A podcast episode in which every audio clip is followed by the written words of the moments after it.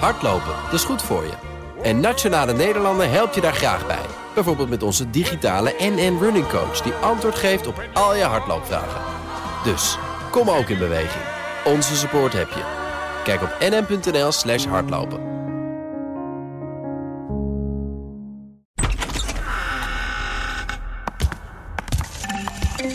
Iedereen is aan het spinnen, weet je wel.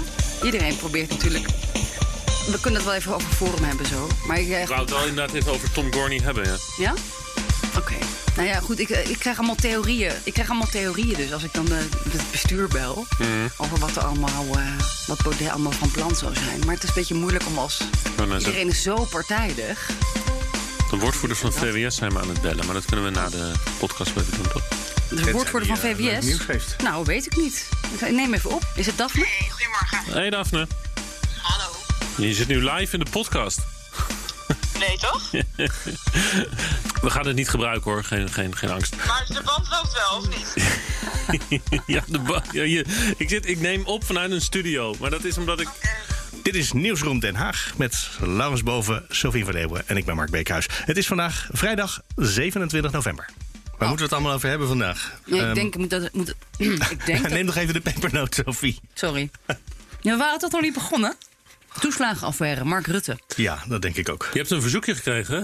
Iemand op Twitter vroeg, een, een van onze fans, die, vroeg, eh, die verlangde al naar een eh, ellenlange podcast. Ja, een vier uur over- lange podcast. Nou, dan moeten ze naar Jaap Jansen als ze vier uur lang willen. Ja, ik denk dat we onder Forum niet uitkomen. Hè? Maar is het is even gewoon journalistiek? Is het het waard? Het, gaat, het is een partij die kleiner is dan de SGP in de Tweede Kamer. En je kan natuurlijk zeggen, ja, maar ze hebben het provincie gewonnen. Nou, het is inderdaad de grootste partij eh, in de provincie. Ja, maar de provincie, daar doen we nooit zoveel mee eh, bij deze zender. Toen zijn ze natuurlijk naar de Eerste Kamer gegaan. Maar daar zijn ze afgesplitst, zodat ze daar ook weer irrelevant geworden zijn. Het is relevant omdat, en dat hebben we bij al die rechtspopulistische partijen gezien. Het gaat om de potentie, om de belofte, om de mogelijkheid van succes. Daar gaat het om. En de, En omdat, het herhaald bewijs dat het Omdat- succes er niet is. ja, en omdat iedereen, opiniepeilers, politici, journalisten, mensen in de bevolking, eh, ziet dat er ruimte is voor een alternatieve rechtse partij. En, Maar ben je eh, nu niet eigenlijk aan het recht keer- praten dat er gewoon iemand met heel veel entertainmentwaarde een politieke partij heeft opgericht? Laat maar, laten we zeggen, à la Trump, à la Thierry Baudet. Nou, En dat- heeft dat de inderdaad, reden nee, maar sorry, neem me niet kwalijk. Zegt, de Trump heeft toch de Amerikaanse verkiezingen gewonnen? Ja, ja, Dus keer het wel, toch? de tweede keer niet. Het gaat ook om het toch? in de wandelgangen in Den Haag. Weet je nog, ik was daarbij bij die verkiezingsuitslag bij het CDA. Dat al die ministers die handen naar die monden, die gingen open. Grapperhaus. Ook Hugo de Jonge stond daarnaast. Bijleveld. Dat Baudet de grootste werd. Dat scenario. En dat Mark maar Rutte hij werd van dus de grootste in de Eerste Kamer. Maar de. Tweede Kamer, dat is dus uiteindelijk... Nou ja, er kan nog van alles gebeuren maar er zijn nu en dan. natuurlijk- kijk, er zijn natuurlijk zo meteen. zag het er anders Kijk, er zijn natuurlijk zo meteen verkiezingen. Eh voor heel snel al. En, en, en Baudet die peilde best hoog. En er was natuurlijk de kans geweest dat ze zouden doorbreken. En dan had er. Dat hebben we met Emiel Roemer over de SP ook wel eens gedacht.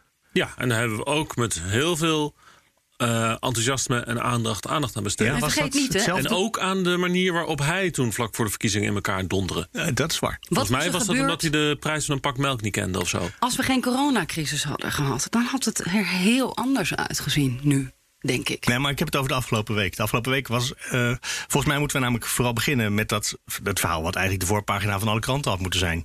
Dat onze premier, notabene onder Ede, is verhoord. Over iets waar eh, niet een politieke partij last van heeft, maar waar 10.000 mensen, wat een aantal tienduizenden mensen, persoonlijk gewoon echt door de mangel gehaald zijn door de overheid. Dat is echt het, het hele heftige nieuws waar deze denk week dat ze van. de- maandag met Ja. En, en toen viel die, dus die bom van, van Forum voor Democratie midden in dat verhoor. Ja. Terwijl dat eigenlijk het moment suprême had moeten zijn. Alle voorpagina's met Asscher. En hij had het kunnen weten. En hij was verantwoordelijk. Zeker.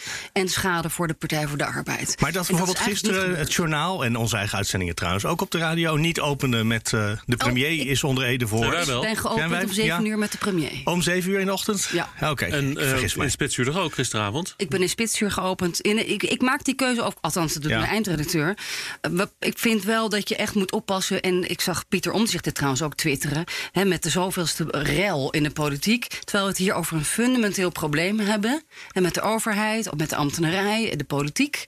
En dat we dat dan even voor een, voor een rel bij Forum naar pagina 5 verplaatsen. Ja. Dat kan gewoon niet. Dus dat hebben wij niet gedaan. Oh, dat hebben ben wij ik heel niet, ja. blij om. Ik maar had- goed, er was ik heb wel heel onze draaiboek niet uit mijn hoofd geleerd, maar ik had het idee dat we het ook deden. Maar Oh, bij het journaal heb weet ik zeker. trouwens dat wel nog Oh, jij best hebt het wel geopend om 9 uur trouwens. Dus Laurens, die, eh, ja, die ik- heeft, gisteren- het is jouw schuld. Nee, gisterochtend. Maar eh, gistermiddag heb ik om nog mijn best gedaan om jou om vier uur van de opener af te kicken. Jee. En om zelf te mogen openen om vier uur gisteren. Met dat, het dat is dus. Laurens, hè? Die probeert mij altijd van de te maar. Laurens is bijna weg, dus weg. dat is... eh, Ja. Zo, Nee, want er weet kwam- je dat ja. ik dat niet eens wist? Want er kwam om, eh, om kwart voor vier kwam er een, eh, een eh, persbericht binnen van het eh, van het bestuur. bestuur van Forum.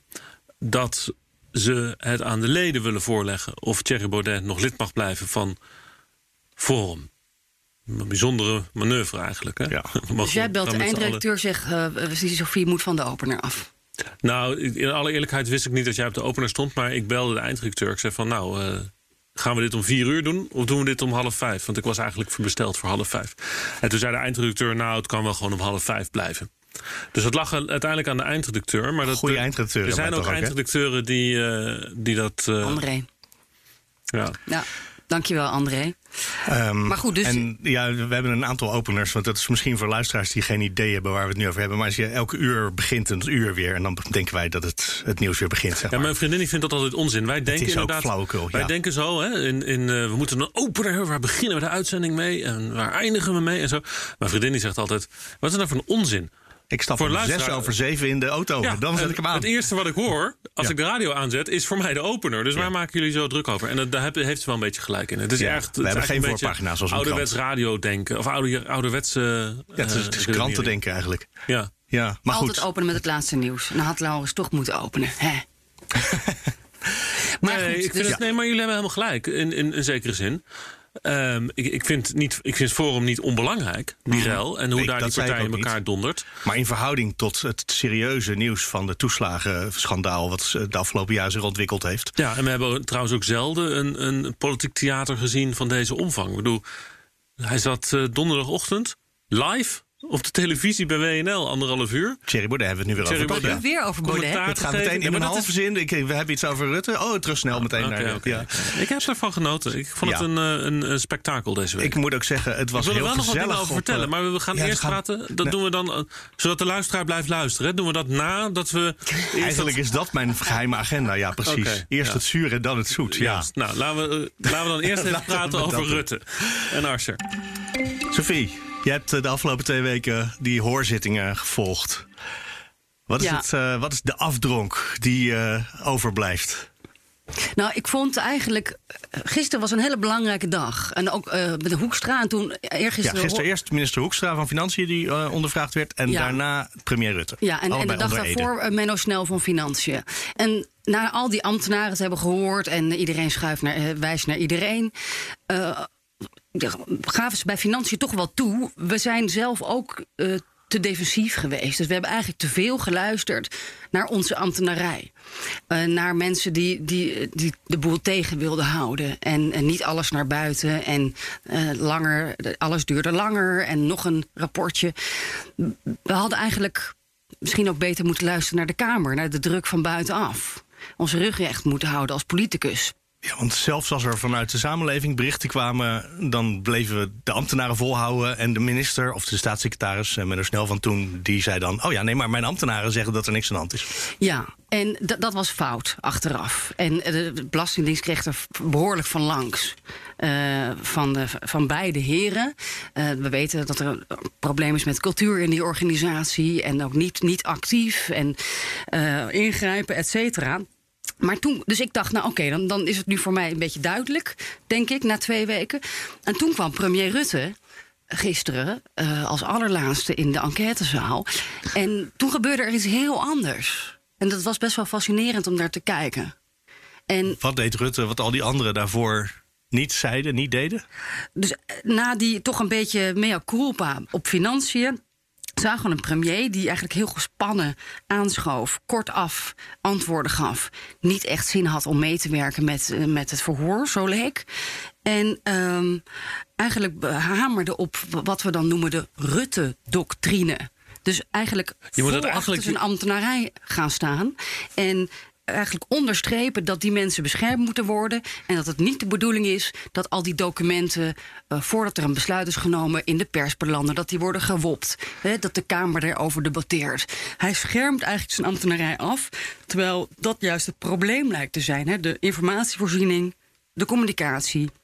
En Rutte had geen enkele reflectie daarop in het verhoor. Je moet eigenlijk even wat fragmentjes laten horen van het begin van Rutte. Want het was vooral aan het begin echt.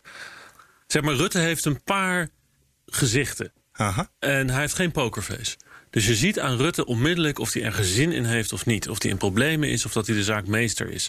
Hè, Als hij zaakmeester is, gaat hij grapjes maken. Als hij er in problemen is, dan gaat hij ehm, eh, vaak technisch en, en uitgebreid ingewikkeld antwoorden. En als hij ergens geen zin in heeft, dan zet hij zijn arrogante hoed op en is hij super kort af. Dat doet hij in de persconferenties en dat deed hij ook bij dat verhoor. Ik geef het woord aan de heer Van der Lee. Dank u wel, eh, voorzitter. Meneer Rutte, u bent eh, premier. De eerste onder eh, uw gelijken. U zit de ministerraad voor en u heeft ook grote invloed op de agenda van de ministerraad. Hoe kan een vakminister een belangrijk dossier op de agenda van de ministerraad krijgen? Door het erop te zetten. En hoe gaat het in zijn praktijk? Dan meldt hij dat aan bij de secretaris en doorgaans gebeurt het dan. Als er belangrijke kwesties spelen, laat u zich informeren. Gebeurt dat via uw raadsadviseurs? Ja, En als het gaat om het onderhavige dossier, ehm, heeft u dan één raadsadviseur die u op dit dossier bijstaat? Of omdat het misschien om meerdere departementen gaat, meerdere raadsadviseurs? Hoe werkt dat? ja, door de loop van de tijd heen waren dat er denk ik twee. Maar tegelijk, normaal gesproken één tegelijkertijd. Ja. Hij gaf heel afgemeten antwoord, hele korte zinnen. En daarmee straalde hij eigenlijk uit. Ik heb hier geen tijd voor. Ja. Val me niet lastig. Ik heb hier geen zin in. Ik heb hier geen zin in. Wat een onzin. Er kwamen ook vragen van de onderzoekscommissie of de ondervragingscommissie. Neemt u de Kamer serieus? We hebben ook een e-mail van eh 20 maart 2019. Dat is dus op de vooravond van het eh, Eerste Kamerdebat over de CAF 11-zaak.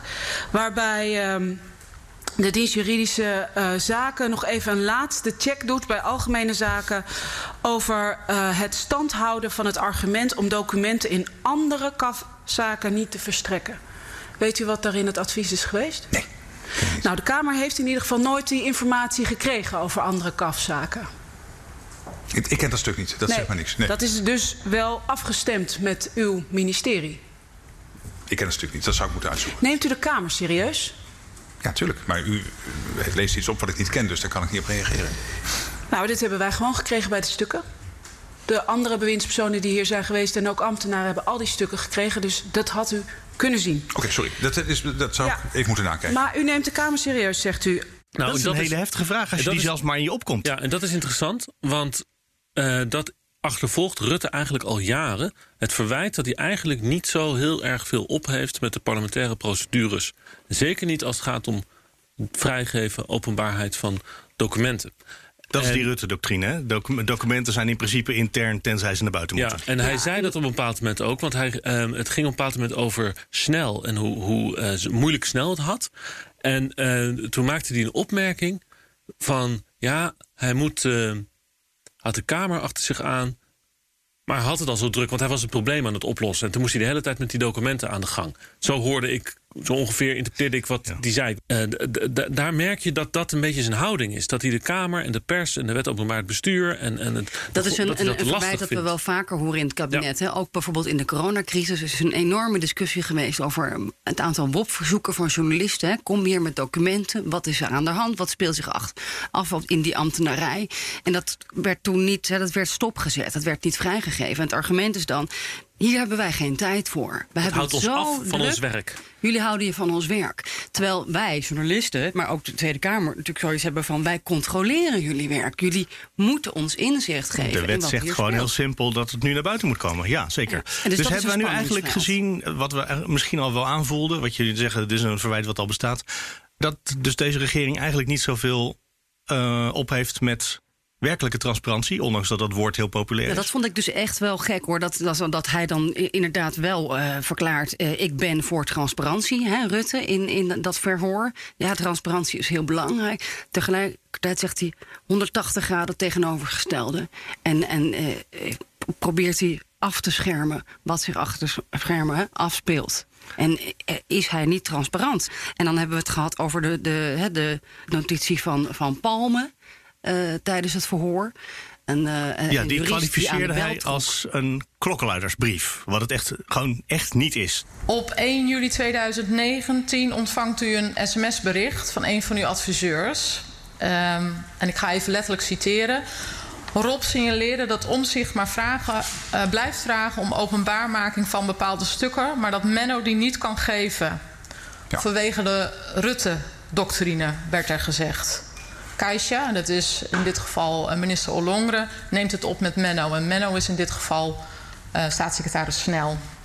Mijn vraag aan u is: wat is de Rut- Rutte-doctrine? Ja, dat is niet mijn naam. eh, maar ik ben van mening dat tussen ambtenaren onderling en tussen ambtenaren en bewindslieden, zolang er nog geen besluiten genomen zijn, stukken die daartussen rondgaan in de voorbereiding op besluiten. Heb ik het niet over verslagen van vergaderingen. Dan heb ik het dus over besluitvorming hè, die nog niet heeft plaatsgevonden, dat dat vrij moet kunnen.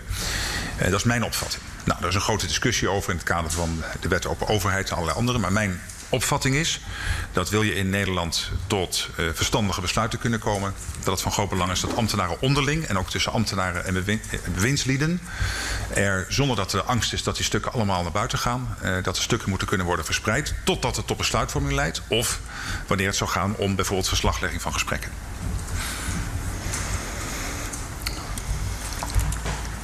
Maar als ik dan even heel specifiek kijk naar het memo van mevrouw Palme. U kent dat memo? Inmiddels wel, ja. Als ik dat voorbeeld neem, valt dat dan volgens u ook onder de Rutte-doctrine? Maar dat memo is zelfs niet bekend ge- geraakt bij de top van het departement. Dat is natuurlijk ernstig. Dus de eerste vraag is daar. Zo reconstrueer ik dat althans uit de verhoren van vorige week. Maar u weet Nou, dan ga ik u even ik. onderbreken, want dat is natuurlijk niet correct. Want eh, het het top van de, eh, van de departementen hebben juist verklaard dat ze het memo wel kenden. Maar niet de ambtenaar, volgens mij niet de politieke leiding, dacht ik. Top van het departement, zegt u. En daarmee, eh, eh, daarmee heb ik het over directeuren en DG's. Oké, goed. Maar in ieder geval de, bij de politieke leiding is dat, dacht ik althans, uit de verhoren vorige week begrepen te hebben, dat dat memo daar niet is terechtgekomen. En dan dat is- terug naar mijn vraag. Valt dat dan ook onder de Rutte-doctrine? Nee, want dat is, echt, dat is eigenlijk een klokkenluidersignaal. En dat soort dingen horen natuurlijk in een aparte eh, regeling altijd op te duiken. Was dat mist van de premier? Is dat expres dat hij dan ineens zo'n gek woord er doorheen gooit? Nou, ja, totaal. Dus, dus die, die mevrouw Palme is ingehuurd als jurist om hè, de- het management te adviseren. En, en, en waarschuwt voor een. een dat, dat, die, een- Kijk, dat was bij dat team, geloof ik. Het gastouderbureau. Een groot drama met honderden ouders. Die, eh, die gemangeld werden en achtervolgd. Dat advies is toen terzijde geschoven. Ja, het advies zei: dit kan echt niet. Ontoelaatbaar, zei ze, geloof ik. Ja, ontoelaatbaar en jullie moeten die mensen compenseren. Is dus eh, niets mee gedaan, een paar jaar geleden. Ehm, ja, en daarvan zegt Rutte, ja, dat was een klokkenluidersnotitie. dus die had wel naar buiten moeten komen. Maar het was geen klokkenluider, het was gewoon een intern advies. Ja, er was Ehm, een memo gevraagd. Het was geschreven door een ambtenaar. Zoals heel veel memo's worden geschreven in opdracht. Ja, maar het, het is niet meegenomen in de besluitvorming. Dus volgens de Rutte-doctrine, als je die strikt interpreteert als ambtenaar, wat ambtenaren neem ik aan doen, had die memo inderdaad niet naar buiten gemogen. Want het was geen onderdeel van de besluitvorming. Maar dat kon de En premier nu even niet hardop zeggen dat hij dat wilde. Dit document. Dus had hij even snel een truc nodig waardoor het toch naar buiten mocht. Zoiets. Ja, en dus noemde hij het een klokkenluidersbrief. Ja. Maar in feite was dit een, een mooi voorbeeld, dat probeerde de commissie ook boven tafel te krijgen, van hoe, hoe funest zo'n Rutte-doctrine kan uitwerken in bijvoorbeeld de toeslagenaffaire. Dat ook de ambtenarij zoiets heet van, ja maar dit, hè, dit is van ons, dit mag niet in de krant of naar de Tweede Kamer. Terwijl omzicht hè, en Leid natuurlijk daarop gebeukt hebben, eindeloos, om die informatie wel naar buiten te krijgen. En met een goede reden. En op een gegeven moment kregen ze hem ook. En daarna pas kwam die naar buiten. Ja, en dat is ook interessant, wat ik echt open vond wel van Hoekstra, eh, eh, de minister gisteren. Die verklaarde, als de pers er niet was geweest, de Tweede Kamer, hè, dus Omzicht, eh Leiden, RTL en Trouw, dan hadden wij hier nu niet gezeten. Dan hadden we nog steeds. Hadden we het allemaal niet geweten. wat eh, er met die ouders is gebeurd. Maar wat moeten wij met een premier die eh, zo lichtzinnig met de wet omgaat? Nou, Ja, nee, dat dan- is nou, toch- Ja, je, je hebt vaak de neiging om dan met grote, grote stappen snel thuis. te- nou, in dit geval, eh, in dit geval want pakken. we- er zijn nog een paar andere voorbeelden uit, deze, eh, Nee. uit dit verhoor. Nee, het is een interpretatie van, eh, van wat de wet eigenlijk is. En dat is een meningsverschil. Dus het is niet dat hij, dat hij de wet niet volgt, maar hij definieert het anders. Hij zegt, het is belangrijk, dat zegt hij heel vaak. Dat heeft volgens mij het voor ook gezegd, want dat, zegt hij ook Heel vaak bij veel. debatten Heel over veel de mensen zijn het niet met me eens, maar ja, hij ik denk er heel, wel zo over. Hij zegt heel vaak, ehm, het, het, als we alles publiceren... dan maken we het onmogelijk om een vrije gedachtenvorming te hebben. Maar dat, dat is op zich misschien wel waar. Maar dan moet hij de, de WOP veranderen. Nee, de wet op de openbaarheid van het bestuur. Ja, die schrijft voor dat je binnen een bepaalde termijn eh, antwoorden zonder politieke weging naar buiten moet geven. Nou ja, laten we het zo zeggen. Het is, ook. Een, het is ook een discussie. Het is een politieke discussie. Maar ik weet ook dat het. Nee, maar volgens mij is hier echt geen discussie over nodig Jawel. hoor. Want ik weet ook dat er, en dat is ook een feit, dat er binnen de ministeries, of een feit, het is een werkelijkheid, dat er binnen de. Ja, ik moet lachen op het woord. Niet feit, wel werkelijkheid. Dat is een. Ja, dit is eh, Fictie. spannend, eh, spannende twist. Nou ja, Ja. Oké, eh, de- de- de- de- nou, laat ik het zo zeggen.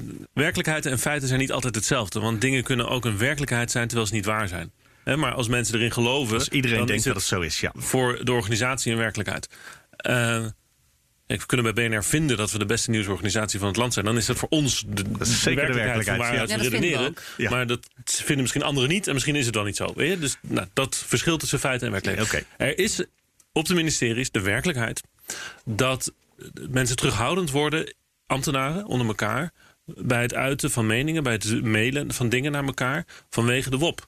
En eh, het, het, het- je kan dus inderdaad discussie voeren of de WOP die mate van openbaarheid moet vereisen dat we allemaal met elke e-mail en elk appje van elke ambtenaar mee kunnen lezen over drie jaar. Want het gevolg is namelijk ook dat ze dan niet meer gaan mailen. Dat ze dan nog appen. minder gaan waarschuwen voor misstanden. Nee, omdat dat niet ze zozeer. Maar dan, gaan, doen, ze alles, nee, dan doen ze alles telefonisch. Maar dan kan je niet Net als bij eh, AZ bij Rutte. Daar gaat ook alles mondeling, eh, hebben we gisteren gehoord. Er worden helemaal geen aantekeningen gemaakt. Nou, misschien heeft dat iets met de WOP te maken, maar dat... Dat ontkende overigens de premier Ja. gisteren. Daar heeft het Oké. niets mee te maken. Daar hebben we geen tijd voor om natuurlijk te maken. Geen personeel voor. Ja, en, Ja. Voor om, om maar- aantekeningen Nee, maar snap je het punt? Ik snap je punt, absoluut. Alleen het, eh, er waren in dit, eh, in dit verhoor waren er een heel aantal voorbeelden waar de premier zei: Nou, de, wet geldt voor iedereen, maar niet voor mij. We, we hadden het net hadden we het over dat ding, het document van Palme. Eh, het advies van eh, wanneer was het? Eh, tweede- 2017. Ehm, maar er zijn ook heel veel documenten zijn nog even, eh, nog even achtergehouden in afwachting van het onderzoek van de commissie Donner. Het is gewoon, er staat nergens in de wet. Je mag afwachten tot er een commissie onderzoek gedaan heeft. voor je met WOP-documenten naar buiten komt. Dat, Ja, toen is dat gezegd, we echt riskeren officieel- een boete. Doe maar een Ja, boete. doe maar een boete in plaats van Maar aan die nu. schurken van RTL en Trouw te geven. Las ik eh, een van de journalisten van RTL en Trouw het samenvatten. Ja, van Pieter Klein bedoel je? Ja, Pieter Klein was dit. Over die wet openbaarheid van bestuur en het tijdig informeren. Op 1 november 2019 adviseert u, adviseert de één na hoogste ambtenaar op uw ministerie... eh, de staatssecretaris Menno Snel te steunen in het vasthouden aan een integrale benadering... waarbij het WOP-verzoek samen met het rapport van de commissie Donner... en de kab- kabinetsreactie daarop wordt verzonden. Ook al betekent dit dat de termijn van het WOP- WOP-verzoek ruim wordt overschreden. Ja, dat Ik wordt... quote. Een boete is te prefereren boven het los verstrekken van de, van de, wet, eh, van de WOP, van het WOP-verzoek. Ja, het ging over een beperkte overschrijding van een termijn... eh, om ervoor te zorgen dat alle stukken in één keer naar buiten zouden komen. En waarom vond u dat belangrijk? Nou, om- omdat er staat. Hè, dat je dus in één keer kan schetsen. Hier heeft u alle stukken. En dit is ook wat we er beleidsmatig mee doen. Daarbij eh, zie je inderdaad dat, dat WOP is uitgesteld tot het, het rapport van de commissie Donner naar buiten kwam. En er was een discussie gisteren met Chris van Dam, de commissievoorzitter, of dat nou een, een politiek besluit is geweest of niet. En dan was het officieel natuurlijk niet, zei Rutte. Ja, en dan, dan creëert hij een enorme misbang. Want dan begint hij te zeggen: ja, maar ja, eh, uiteindelijk. eh, eh, wat er allemaal op die ministerie gebeurt, daar, daar ga ik niet over. Want daar zijn misschien uitvoeringsproblemen. Want misschien hebben ze niet genoeg mensen om dat verzoek te beantwoorden.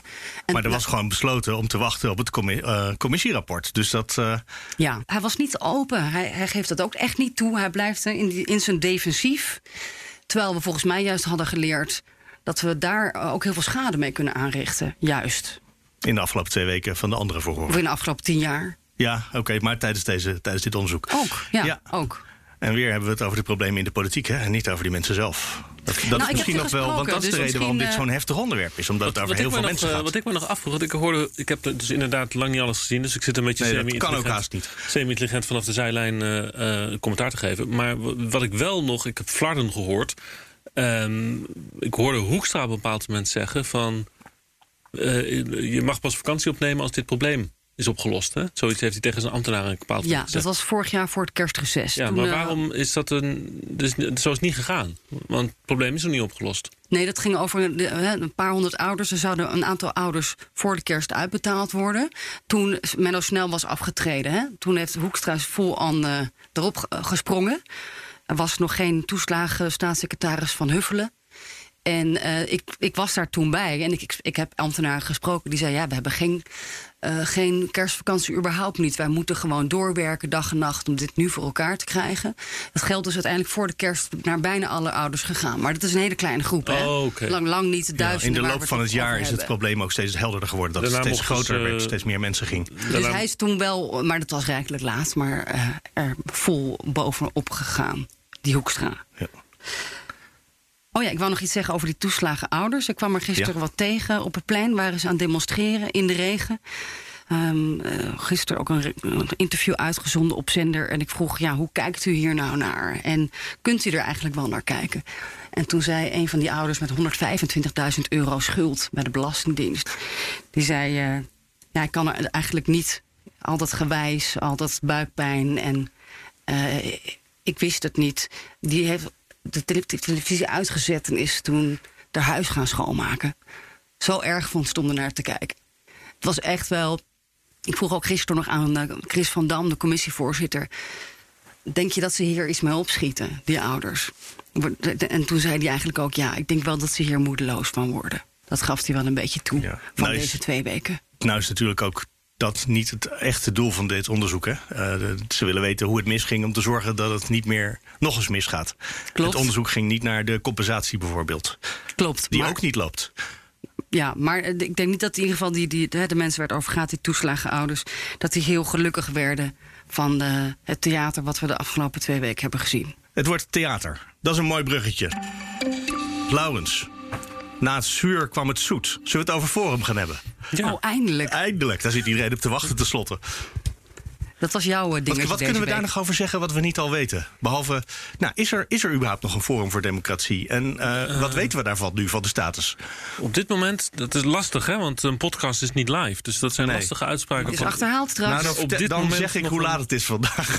Want het kan van uur tot uur veranderen. Het is nu half elf eh, op de 27 november 2020. Ja, volgens mij is er op dit moment nog wel een Forum voor Democratie.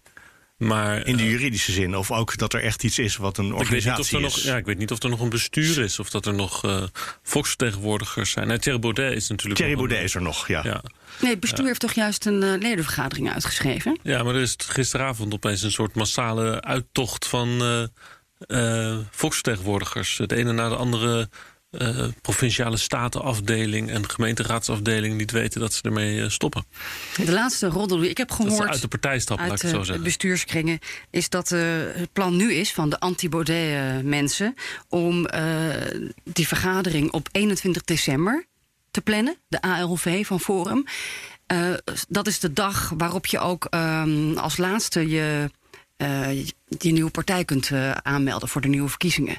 En dat betekent dat als Baudet het zou verliezen en hij mag geen lid meer zijn vanaf die dag, dan is hij te laat om de lijst Baudet in te leveren. Dat is nu een van de plannetjes van het anti-Baudet-kamp. Dus dit gaat gewoon nog door. Ik dacht dat we er vanaf waren aan het eind van deze week. door. Ja? Dus misschien moeten we ook maar afhaken gewoon. Ja. Want anders dan blijven we over Forum praten. Nou, kijk, wat natuurlijk wel heel leuk is denk ik om te vertellen... is over hoe dit nou eh, praktisch allemaal ging. Qua In de wandelgangen. verslaggeving. En, Voor jullie. eh, ja, want het was natuurlijk heel leuk, want Forum zit in, eh, op de Herengracht in Amsterdam. Daar woont eh, Baudet ook, daar woont Hiddema ook in de buurt. Allemaal hetzelfde, hetzelfde deel van de grachtengordel. En ehm, dus daar was een heel belangrijk deel van het verhaal. Eigenlijk gebeurde het allemaal daar letterlijk op straat. Hè? Dat is uitzonderlijk. Ja, bij de sleutelmaker. De Ja. slotenmaker. De slotenmaker kwam langs en zo. Dus het, het parlementaire perscorps splitste zich ook. Hè. Er was een afdeling Amsterdam en er was een afdeling Den Haag. Terwijl iedereen normaal gewoon in Den Haag zit natuurlijk. Ja, dus er stonden allemaal collega's die normaal allemaal in Den Haag zijn. Die stonden allemaal de hele dag daar, want eh, er gebeurde daar van alles op straat. En eh, wij hadden daar Hugo Reitsma e- één dagje naartoe gestuurd. Dus, eh, dus die stond er ook voor ons. En wij waren, Sofie en ik waren in Den Haag. En is- we hebben het af en toe een beetje samen gedaan. En af en toe eh, zat ik, was jij met Forum bezig en deed ik Forum in mijn eentje. Ja, ik stond toevallig in het, eh, in het kantoor van Forum eh, toen eh, net de app naar buiten ging dat eh, Baudet eh, niet meer partijvoorzitter was. Dat hij eigenlijk aftrad. Dit is zo lang geleden. Wanneer was dat ook weer? Was dat dinsdag Ja, of zo? Dat was dinsdag. Heel lang geleden. Ja. Ja. Oh ja, dat voelt wel als lang geleden. Dus dat hebben we toen als eerste gebracht. Maar goed, inmiddels eh, zijn we inderdaad 15 hoofdstukken verder. Ja. Of 100. Maar je moet zo zien dat dat gebouw eh, van de Tweede Kamer is natuurlijk best groot. Hè? En alle fracties hebben zo'n eigen hoekje van het, van het pand. De eigen pers, Zij zitten in de archiefkast eigenlijk. In de voormalige archiefkast van het eh, justitiegebouw. Ja, In precies. de Tweede Kamer, Ja. helemaal onderaan. Helemaal beneden. En wij zitten in de perstoren. Dus dat is eigenlijk aan de andere kant van het pand. In een, in stuk nieuwbouw op de vierde etage zit BNR. En een lange roltrap zit daartussen. Dus ehm, eh, en die, die paar eh, kamertjes van Forum. eh, ja, dat, dat, die waren leeg. Hè? Waren donker en leeg. Er was één persoon, de woordvoerder, Tom Gorney. Die was de enige die aanwezig was eh, van Forum daar. En eh, ja, die hield een soort audiëntie de hele tijd. Hè? Want die zat daar druk te bellen en te typen met, met, met Amsterdam.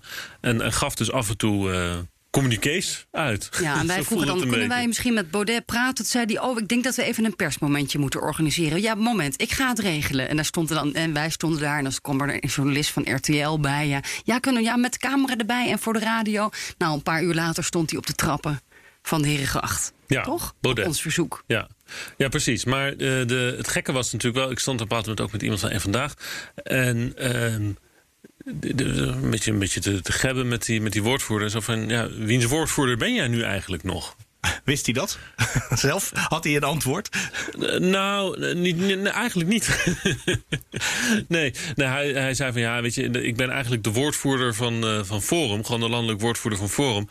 Eh, ja, en, Welk en kamp zit tot jij voor in, kort hè? was dat natuurlijk allemaal hetzelfde. Hè, want, Ja. want Baudet was ook de partijvoorzitter, dus dat was natuurlijk gewoon één, één geheel. En dat grappige is als zo'n organisatie dan uiteenvalt, die mensen die voor die organisatie werken.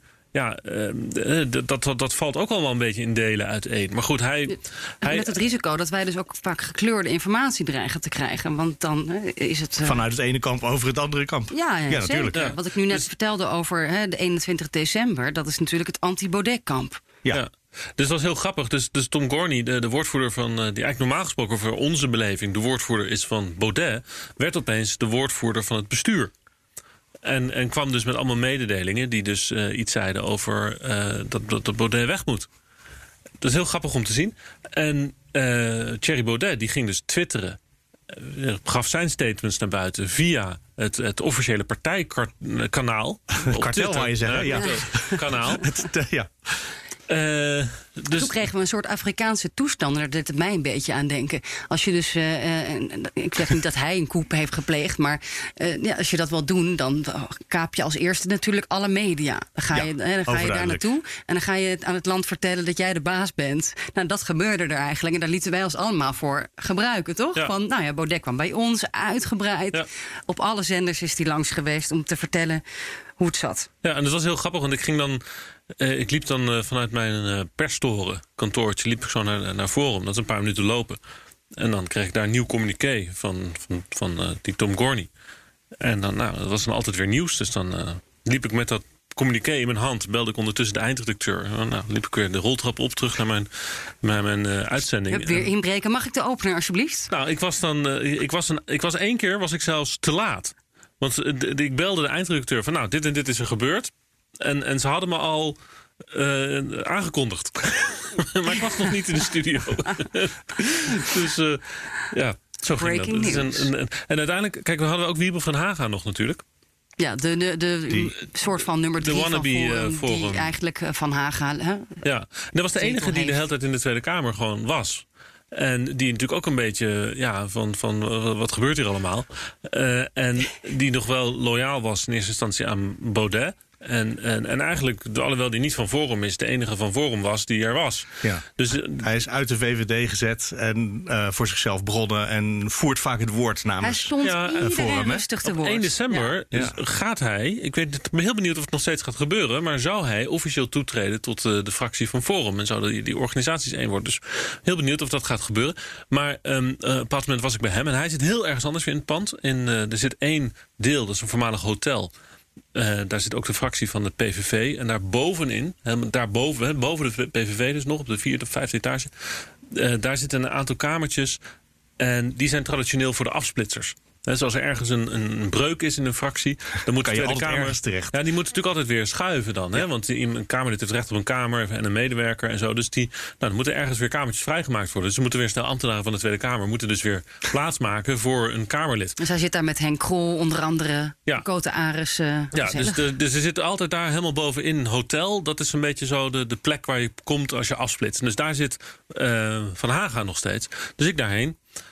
En eh, druk op de gang. En, en ik moest even wachten, want één vandaag was voor mij aan de beurt. Die waren een interview met hem aan het doen. En dan was er klaar. Dus ging ik naar binnen. Een kwartiertje met die man eh, zitten praten over wat er allemaal gaande is. Dus ik weer naar buiten. Staat de ploeg van één vandaag daar weer op de gang.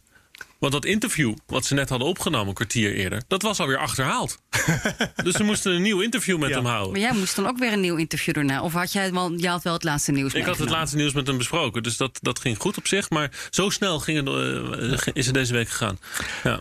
Oh, trouwens, eh, even tussendoor, maar eh, Henk Krol heeft ook een nieuwe partij opgericht, hè? ja, daar hadden we eigenlijk heen moeten Henk gaan Krol. gisteren. Het was jullie gewoon niet een naartoe borrel. gekomen? We Nee. hadden een borrel kunnen hebben in coronatijd Ja. gisteren. Ik baalde daarvan. Ja.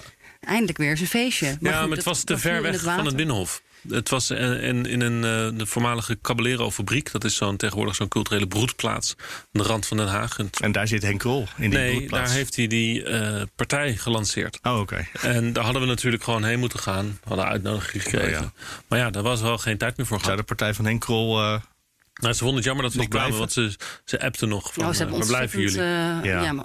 hun best gedaan om ons daar te krijgen. Maar wees goed, eerlijk, dit was op de dag dat de premier werd, eh, onder Ede werd verhoord. En de Forumpartij verder ging met imploderen of exploderen, daar keuze. Maar sowieso Ja. slecht getimed, denk ik, op de het dag was de dat de dag die je kan kiezen. Dus ja, hadden ze niet zo moeten plannen. En er moeten toch zaaltjes vrij zijn op andere dagen, zou je denken. Zeker op dit moment. Oh. Nee, goed. ehm, dus ja, wat gaat er nu nog gebeuren met Forum? We weten het gewoon niet. Er- we hebben Baudet de hele week niet gezien in de Kamer. Eh, er zal binnenkort een besluit moeten worden genomen over wat er met die zetel gebeurt van Theo Hiddema.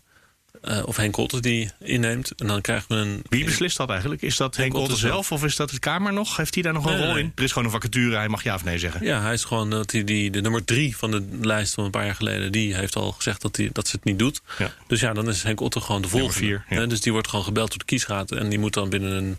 Nou, heeft hij een paar dagen bedenktijd. En dan moet hij ja of nee zeggen.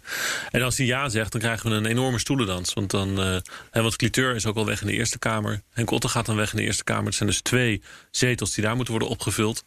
Eh dan kan Hiddema overigens terug naar de Eerste Kamer. Want die is Oh, daar destijds- past hij ook veel beter, denk ik. ja, maar die is met voorkeurstemmen gekozen in de Eerste Kamer. Dus Ja. die kan eh, de, de Eerste Kamer in, als hij dat wil.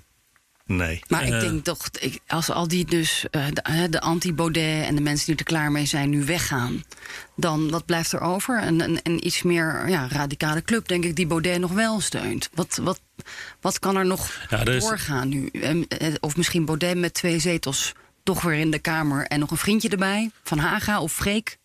Want Freek zit er ook nog, toch? Jansen. Freek Ja, als Dus- medewerker bedoel je? Nou ja, goed, in ieder geval, je moet maar kijken wat de leden beslissen. Hè? Maar eh, daar hangt het ook een beetje van af. Ja, volgens mij kunnen we er geen eh, voorspelling Nee, ik vind het heel mooi doodbloeden dit. Ja. Dit loopt, ja. Maar dat is ook de situatie waar we nu zitten. Volgens mij komen we aan het eind van deze podcast. Tenzij jullie nog hele diepe inzichten hebben die je wilt delen. Ik kijk uit naar het weekend en dat, wat er dan weer op Twitter gebeurt. En op de gracht. Ik dacht op dinsdag ook al, is het al zondag? Zou de nieuwe peiling van eh, Peil.nl er al zijn? Maar dat Ja. was natuurlijk niet zo. Nou, volgende week weer. Sophie van Leeuwen, Laurens Boven. Dank Tot jullie wel allebei. Jij ook bedankt. Dat was hem voor vandaag. Wil je reageren? Mail dan naar nieuwsroom.bnr.nl of nieuwsroom.fd.nl. En je weet, het is een podcast. Daar kan je je op abonneren. Misschien heb je je geabonneerd en luister je via je abonnement. In dat geval, dan kan je waarschijnlijk een review achterlaten in de plek waar je je podcast haalt. Dat is ook heel fijn als je dat doet. En je kan natuurlijk je vrienden, je familie, de overburen, iedereen vertellen dat je een hele gave podcast hebt ontdekt. En misschien een hele voorzichtige hint laten vallen dat zij zich ook kunnen abonneren op deze podcast. Heb een heel goed weekend en tot volgende week.